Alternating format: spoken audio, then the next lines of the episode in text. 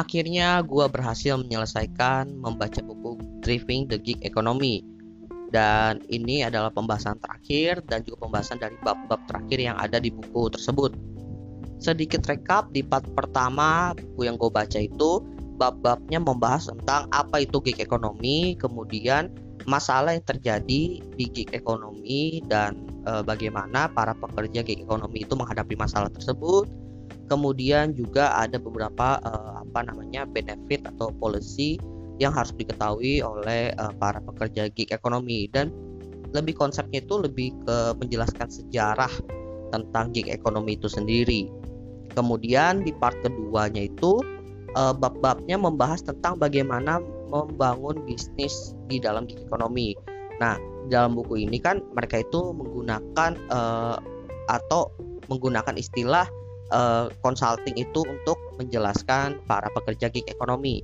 Jadi intinya di part kedua itu membahas tentang bagaimana membangun bisnis consulting, kemudian bagaimana cara uh, memanage klien, kemudian branding juga ada dan juga bagaimana membangun sistem dari uh, apa namanya memberikan harga sampai juga uh, melakukan penagihan kepada klien. Bahkan dia juga membahas tentang workplace uh, bagi para pekerja gig ekonomi dengan bisnis consultingnya.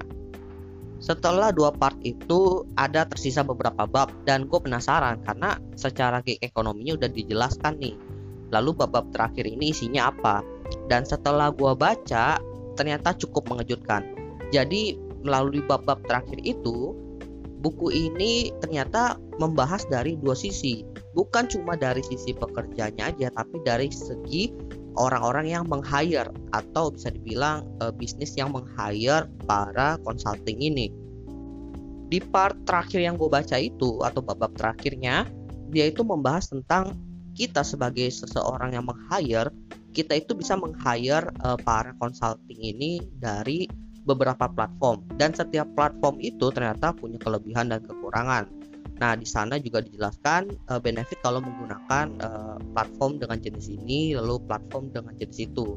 Kan jenis uh, platform untuk meng-hire itu banyak ya. Ada yang sistemnya itu uh, kayak marketplace untuk para freelance. Habis itu ada juga market, apa bukan marketplace lebih ke kayak benar-benar perusahaan outsourcing seperti itu. Lalu di part-part terakhir juga menjelaskan bagaimana kita menempatkan diri sebagai seorang yang meng-hire atau bisnis yang meng-hire itu posisinya dengan si para consulting ini. Jadi posisinya itu yang ideal bukan sebagai se seorang yang meng-hire pekerja tapi lebih ke uh, bisnis yang berusaha untuk uh, menyelesaikan sebuah proyek dan bekerja sama dengan para consulting ini. Dan di situ dijelaskan mindsetnya itu bukan mindsetnya uh, eh, gue meng-hire dia tapi gue ingin menyelesaikan pekerjaan. Lebih ke situ ketika kita meng-hire para consulting ini. Lalu juga dibahas tentang benefit-benefit dan policy yang harus diketahui oleh para bisnis yang meng-hire para konsultan ini. Ternyata uh, polisinya itu lumayan uh, dijelaskan kita itu nggak boleh begini nggak boleh begitu dan kita tetap harus menghargai mereka. Lalu dibahas juga soal apa namanya uh, perpajakan tapi bukan perpajakan yang ini ya karena kan setiap negara itu beda-beda. Tapi intinya uh, bagaimana negara itu pun harus uh, memfasilitasi dan juga memberikan gambaran perhitungan pajaknya gitu. Lalu soal benefitnya. Ternyata soal benefit ini uh, lebih ke insuransi nah ternyata insuransi ini tidak perlu ditanggung dari bisnis yang meng-hire para pekerja gig ekonomi ini. Karena ternyata udah ada lembaga-lembaga yang memberikan atau menyediakan. Pertama, mungkin dari perusahaan insurance ada produk-produk untuk para pekerja gig ekonominya. Lalu juga ada organisasi yang menyediakan eh, dana-dana uh, atau produk untuk uh, para pekerja gig ekonomi. Jadi ada uh, perusahaan asuransinya, kemudian ada juga organisasi atau komunitas para pekerja gig ekonomi. Dan di situ ngebahasnya bukan cuma insurance ini ya uh, tenaga kerja gitu. Ada juga uh, asuransi jiwa kemudian ada juga dana pensiunnya. Seperti itu. Jadi setelah gue ngebaca buku ini sampai akhir dan merekap semuanya gue bisa bilang bahwa buku ini uh, menjelaskan tentang gig ekonomi itu dari dua sisi. Yang pertama, bagaimana caranya kita bekerja uh, di gig ekonomi sebagai consulting, bagaimana cara kita membranding. Kemudian, kalaupun kita ingin meng-hire para consulting ini sebagai business owner, bagaimana cara kita uh, meng-hire mereka, melalui apa, lalu bagaimana cara kita memperlakukan mereka, dan lain-lainnya seperti itu. Setelah gue baca dan merenungkan sedikit, menurut gua buku ini cocok banget buat temen-temen uh, yang saat ini berencana untuk uh, terjun ke dunia freelance atau dunianya gig ekonomi dan ingin membangun uh, reputasi dan juga uh, ngebangun bisnis consultingnya gitu. Dan juga ini cocok ya uh, buat teman-teman yang saat ini punya bisnis dan berusaha mencari tenaga kerja tapi uh, agak kesulitan. Jadi kalian bisa mencoba meng-hire uh, para freelance atau gig ekonomi. Atau bisa dibilang consulting juga oke okay, kalau kesannya kalian memang punya budget gitu.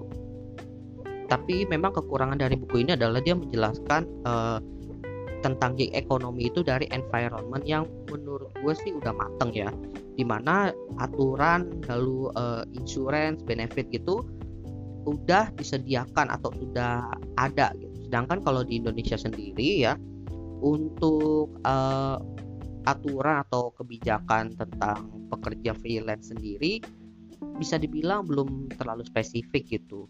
Mungkin masih digabungkan dengan para business owner. Jadi uh, termasuk juga dengan perpajakannya ya gitu. Karena dianggap ya berbisnis. memang betul, nggak salah juga. Kalau soal benefitnya ya di Indonesia sendiri freelance itu tetap harus mengambil insurans sendiri gitu. Dengan mengambil produk-produknya yang sudah ada. Jadi belum ada produk-produk yang khusus untuk para pekerja gig ekonomi seperti yang dijabarkan di buku. Dan balik lagi eh, karena kan di buku itu juga dijelaskan bagaimana cara mereka itu eh, mengambil dana untuk benefit kayak dana pensiunnya gitu. Jadi bukan kayak eh, bayar bulanan. Ada sih yang bayar bulanan tapi dia ada sistemnya sendiri gitu sedangkan kalau di Indonesia ya dengan sistem ya asuransi yang sudah berjalan saat ini kitanya yang menyesuaikan seperti itu. Oke jadi itulah akhir dari uh, proses gue membaca buku Thriving the Gig Economy dan informasi yang gue dapatkan. Semoga bermanfaat dan buat teman-teman yang tertarik untuk membacanya bisa langsung baca sendiri karena di situ benar-benar dijelaskan on point ya uh, polisinya seperti apa, benefitnya seperti apa. Sedangkan yang gua bahas ini lebih ke rekap dan juga uh, reviewnya aja. Baiklah, terima kasih buat teman-teman yang sudah mendengarkan. See you next time di episode selanjutnya dan mungkin untuk buku-buku selanjutnya. Thank you semuanya. thank you